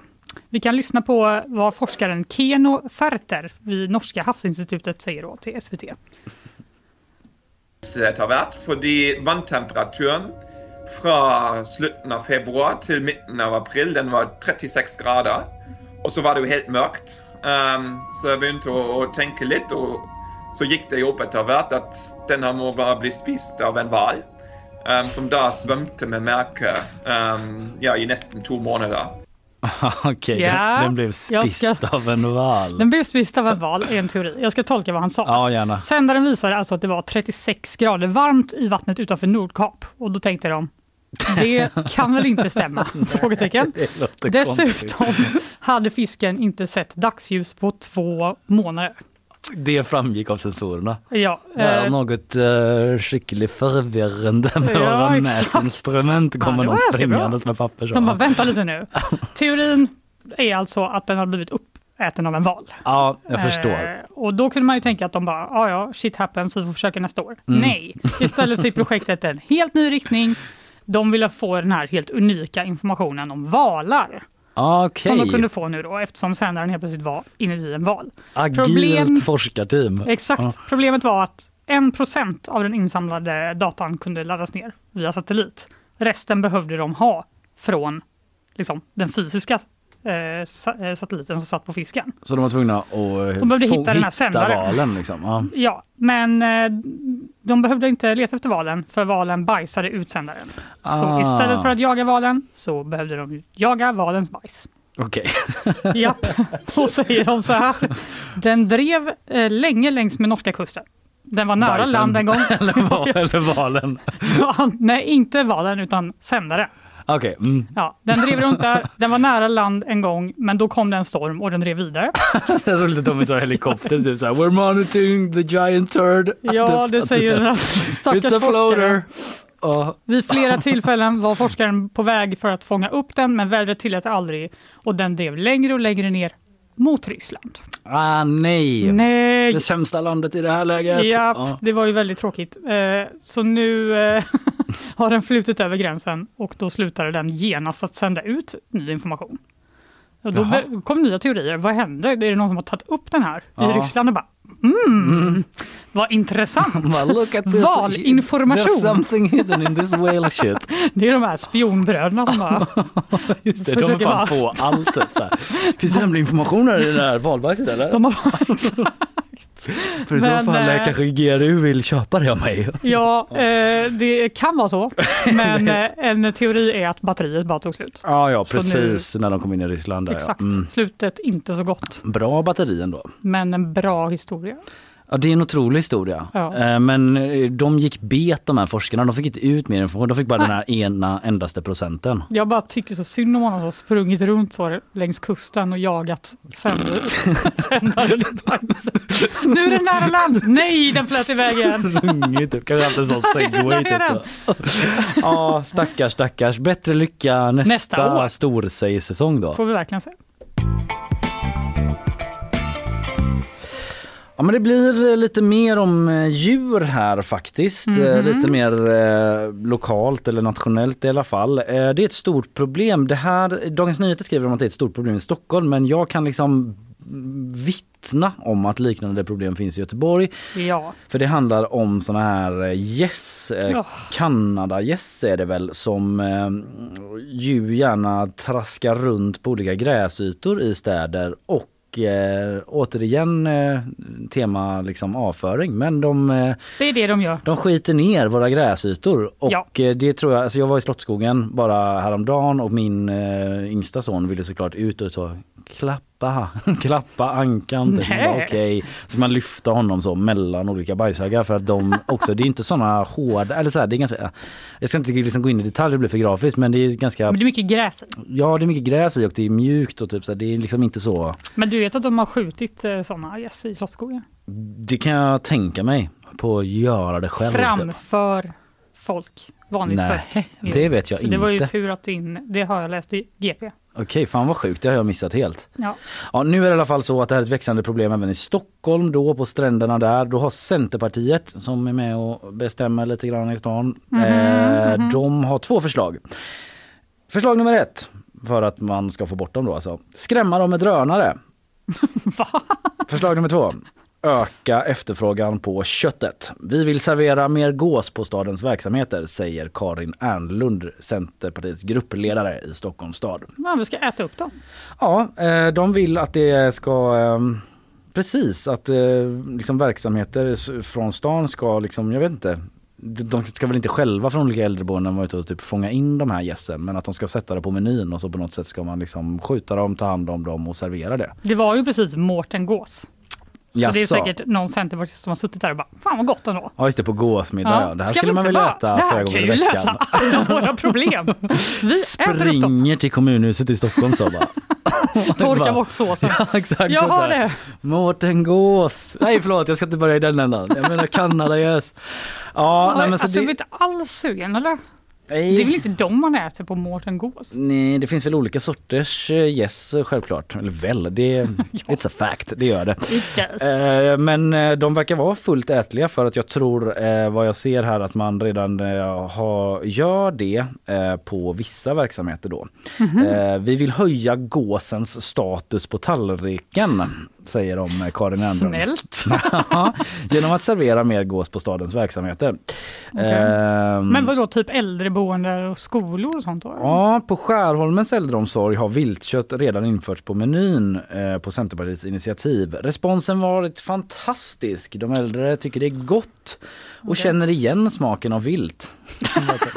Lite så förminskande av äldre människor. Typ. Va, okej. Ja, det säger de till DN i alla fall. Ja, ja. Eh, och det är liksom en, en idé då att man ska få bukt med det på det sättet. Öka efterfrågan på gåskött helt enkelt. Liksom få upp ett intresse. Man kanske kan sponsra så. Tarek Taylor som tillreder en sån god Det kan man förmodligen göra. Jättegott. Jättegott. Den här veckan Kanadagås.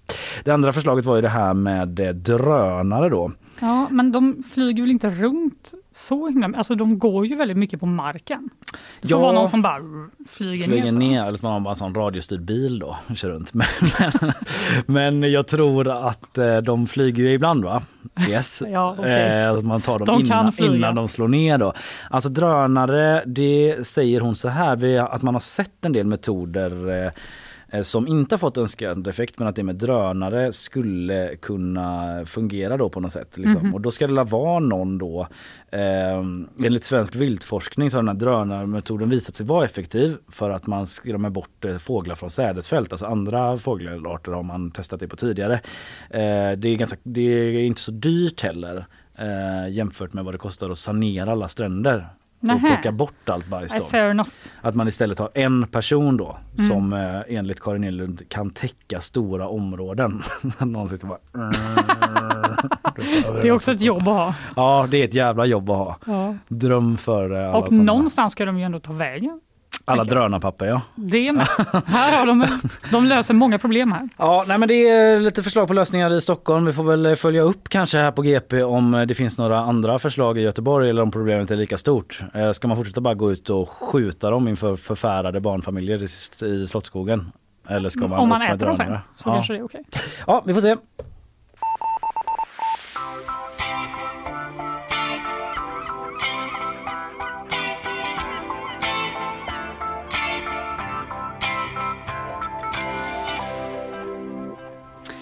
Dolly Parton har fått 100 miljoner dollar av Jeff Bezos.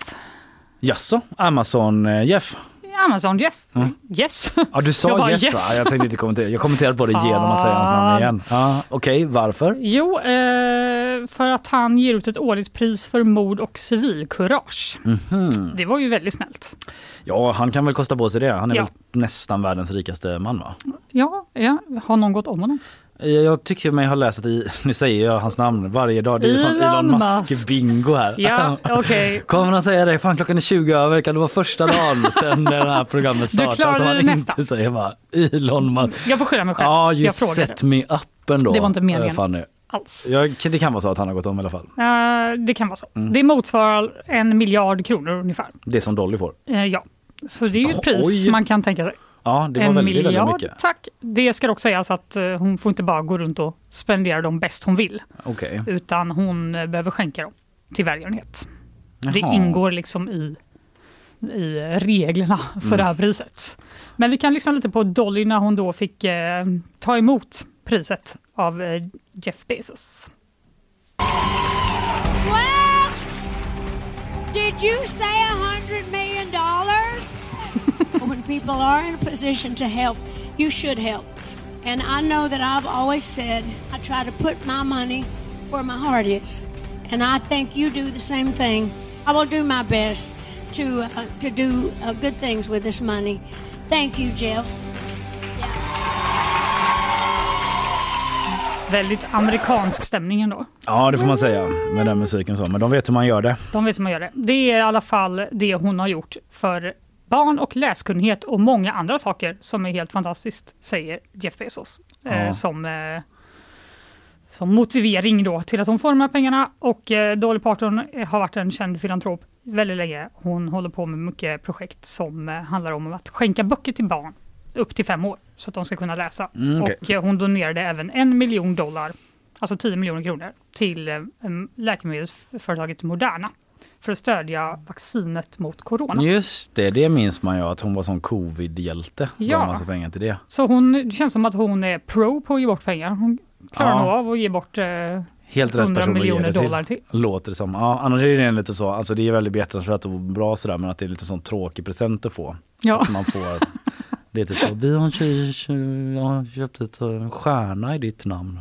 Nej det är inte alls samma Det, sak. nej, det är inte samma sak. Nej men att man liksom får jättemycket pengar, bara en miljard dollar, fan vad gött, ska man ge bort det. Men det är väl jag som, eh, jag hade också blivit glad för det. Men man hade kanske velat ha så kan jag få en miljon själv. Nej, men hon behöver inte det. Nej, hon hon har det bra. Jag vill bara säga grattis Dolly, bra jobbat. Stort grattis. Du, eh, jag eh, läste om en annan amerikan, Rain Wilson. Vet du vem det är? Nej. Eh, Det är Vänta, det var det du frågade mig innan och jag sa nej. du sa du nej. Okej, säg vem det är då. Det är han som spelar Dwight i amerikanska The Office. Älskar den då. Ja, han är väldigt, väldigt rolig där, det måste man säga. Det måste man säga. Men han har nu då eh, annonserat att han har eh, bytt namn för att raise awareness om eh, klimatförändringarna. Jaha, Eh, han heter ju redan Rain då, ja. fast med två n, så det är ju redan så. det räckte väl. Mm. Eh, det räckte man kan man tycka, men det står att Rain Wilson has changed inom citationstecken står det. Jag trodde att det var på riktigt först, men... Eh, eh, Vadå, han har ändrat på sin nick på Twitter. Ja, men det, så här, det står så här, han har ändrat sitt namn och uppmanar andra att eh, göra det. Jaha. Och eh, han heter nu då Rainfall Heat Wave Rising Sea Levels Wilson. Det skrev han i sociala medier i torsdags. Det var det sämsta namnet. Ja, man undrar vilket som är eh, hans tilltalsnamn. Vad hade du het, helst hetat? Rainfall? Heatwave. Ja, Heatwave. Heatwave Vik. Ja, sea Berg. Levelsberg hade varit lite coolt. My name is Levels. Ja, det är lite, lite coolt. Ja. Men okej, vad- ja, jag vet inte. Ska det här hjälpa? Ja men på något sätt för att raise awareness då att man pratar om det och sådär i alla fall. Han gör kanske andra saker också men han säger det är bara ett litet cheap stunt säger han. Ett litet billigt trick då för att hjälpa till på något sätt. Han har ändrat sitt namn på Twitter, Instagram och även på mitt fancy writing paper. att han har sådana ja, skrivpapper typ. Så där har han ändrat det. Så lite bummer att han har inte gjort det Ja, på inte i riktigt. sitt pass liksom. Nej, inte i sitt pass. Eh, det finns en eh, sajt där man kan gå in då och eh, skapa sitt eget nickname. Och eh, fan nu hade jag inte det med mig men jag gjorde det igår Mhm. eh, och, min, och typ skickade till mina kompisar typ så här hallå det här var lite kul eh, vilka nickname man får så fick jag ett så himla lame sånt namn. Det- Inte levels. inte levels. Eh, jag ska ta fram det här eh, vad det var jag fick. Eh, förlåt att det här tar lite lång tid men här är det. Eh, jag fick då namnet Kalle Cities Too Hotberg. jag vet inte. Det, Det var samma. ju jättedåligt. Ja, en annan kompis till mig då fick, jag ska inte outa alla deras namn då, men han heter Viktor för Han fick Victor Unruly Cyclones. Det är ändå bra. Mm, det var bra. Det låter som the fiercest rapper in the game typ. Verkligen. Det är inte ett sånt. Det är inte så att du av misstag har använt ett sånt. Ditt rapnamn. Nej, nej, utan det här är Arctic Risk Name Generator då. Som han använder. Så Internet va? min kompis Max heter Saltwater Intrusion. Ja, jag vet inte. Eh, slut på nyhetsvärde för ett tag sedan kanske. men, men, eh, Det är ju tur det är bakvagn va? Ja, den här sajten finns. Rain Wilson har eh, ja, använt sig av den då för att raise awareness eh, nu under pågående klimat. Han tog sig ändå hela vägen in till nyhetsshowen i Göteborg. Så Det gjorde han. mission Och accomplished. till CNN, för det var där jag läste om det från, Ja, från ja, början. Ja, ja.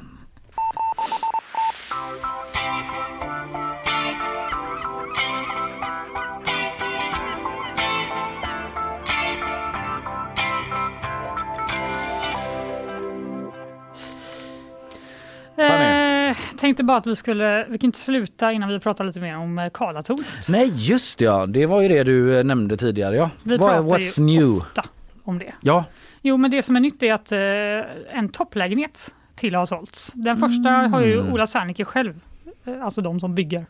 just det. Serneke Group. Ola Serneke har köpt en.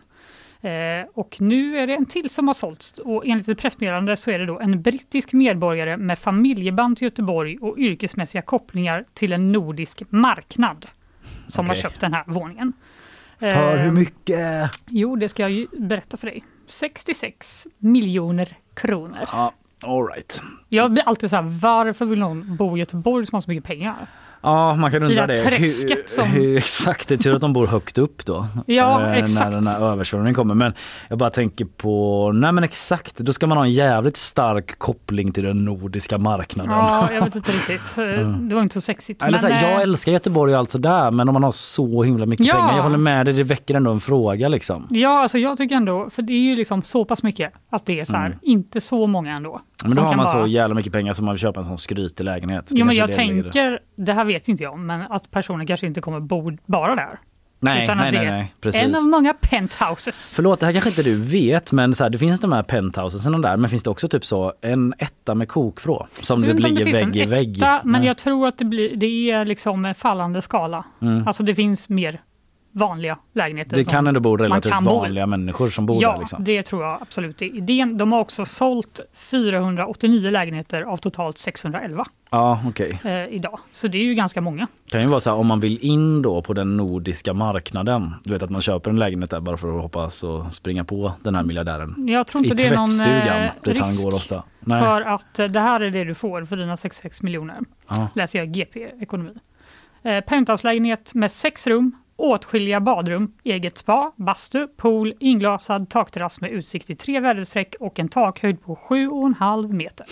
Oj, Det det var en takhöjd det du. Du behöver ha mycket konst. Ja. En lång sån pinne när du ska rolla väggarna Ja just det, du ska måla om typ. Kanske inte den här personen jag själv inser jag. Och så dra ner kanske så persiennerna så. Världens längsta så. Det tar så här två, två timmar att liksom, ta upp rullgardinen på morgonen. Sjukt högt i tak. Ja men vad stört, då kanske man inte rän- ränner ner i tvättstugan så mycket då. Nej, jag tänker inte det. Eh, mäklaren Niklas Berntsson på mäklarfirman Esny som har sålt den här lägenheten säger köparen ser Karlatornet i Göteborg som en fantastiskt spännande boende och ett perfekt alternativ i den livssituation som hen befinner sig i. Okej, vet Ja. inte riktigt vad det är för livssituation där man Mer. behöver alla de här sakerna som jag precis räknade upp. Exakt, och typ vem har den livssituationen som är typ såhär bara, vet du vad, det här passar faktiskt inte min livssituation, det här boendet. Typ. Det var för, bara en pool? Frågetecken. Ja, exakt. Bara 7,5 meter takhöjd. Den här takhöjden passar inte mig i min livssituation. Nej, eh, vi får väl se. De, personen vill i övrigt vara anonym, men vi Ja. vet, det här är det vi vet om Det det. här är det vi vet det som framgått. Ja, det är 211 meter har de byggt av Karlatornet. 246 ska det bli. Och när det är klart så blir det det högsta bostadshuset i EU enligt Sanneke. I EU. Däremot i andra europeiska icke-EU-länder. Ja, det framgår inte. Det står, jag tänkte faktiskt på det, men det står i EU. Det låter ju som att det ska finnas, eh, det var bara jag kom inte på något land som inte är med i EU. Nej, N- Norge, eller? Ja, men exakt. de har, de De har inga höga hus. Nej, Nej. de är bara ute och letar valbajs vid strandkanten hela Ja, dagarna. och de gör det bra. Eh, De gör det jättebra ända tills batterierna tar slut. Nu börjar väl batterierna nästan ta slut lite grann för oss och värmen stiger påtagligt här inne. Men eh, vi har väl hunnit med allt vi ska hinna med. Det tycker jag. Kan du berätta vad du heter och producenten heter och sådär? Jag här heter. Fanny Wijk. Hej då Kalle Berg. Vi rullar iväg från mikrofonen. Vi hade producent Producent Carl Jansson. Vi hade Isabel, nej, jo, Isabella Persson, jag ser dig, läser nyhetssvep. Bakom en stolpe. Researcher Emily Hagbard och Linnea Rönnqvist är här och hon är stabil. Bra Hon är jobbat. och är stabil, det gör hon alltid. Ja, tack för idag Fanny. Vi har ju snackat om eh, spiondramat med eh, bröderna som eh, anklagas för att ha lämnat eh, hemliga uppgifter till Ryssland och. GRU, den sjuka grejen. Och du har pratat om eh, psykedeliska svampar i Göteborgs skogar Jajamän. och grönområden. Mm. Eh, Det var en jävla story faktiskt. Sen har vi Mm. haft gäst också som eh, pratade med oss om eh, klimathoten mot Göteborg. Vad händer när det kommer sådana här hundraårsregn som lär bli allt vanligare så här i krisklimatets tid? Ja, Det jag, blev nästan rätt va? ja, jag klimatkrisens tid. måste tänka lite här. Krisklimatets tid. Det heter hon i alla fall. Du, vi är tillbaka igen i vanlig ordning. Tack för idag.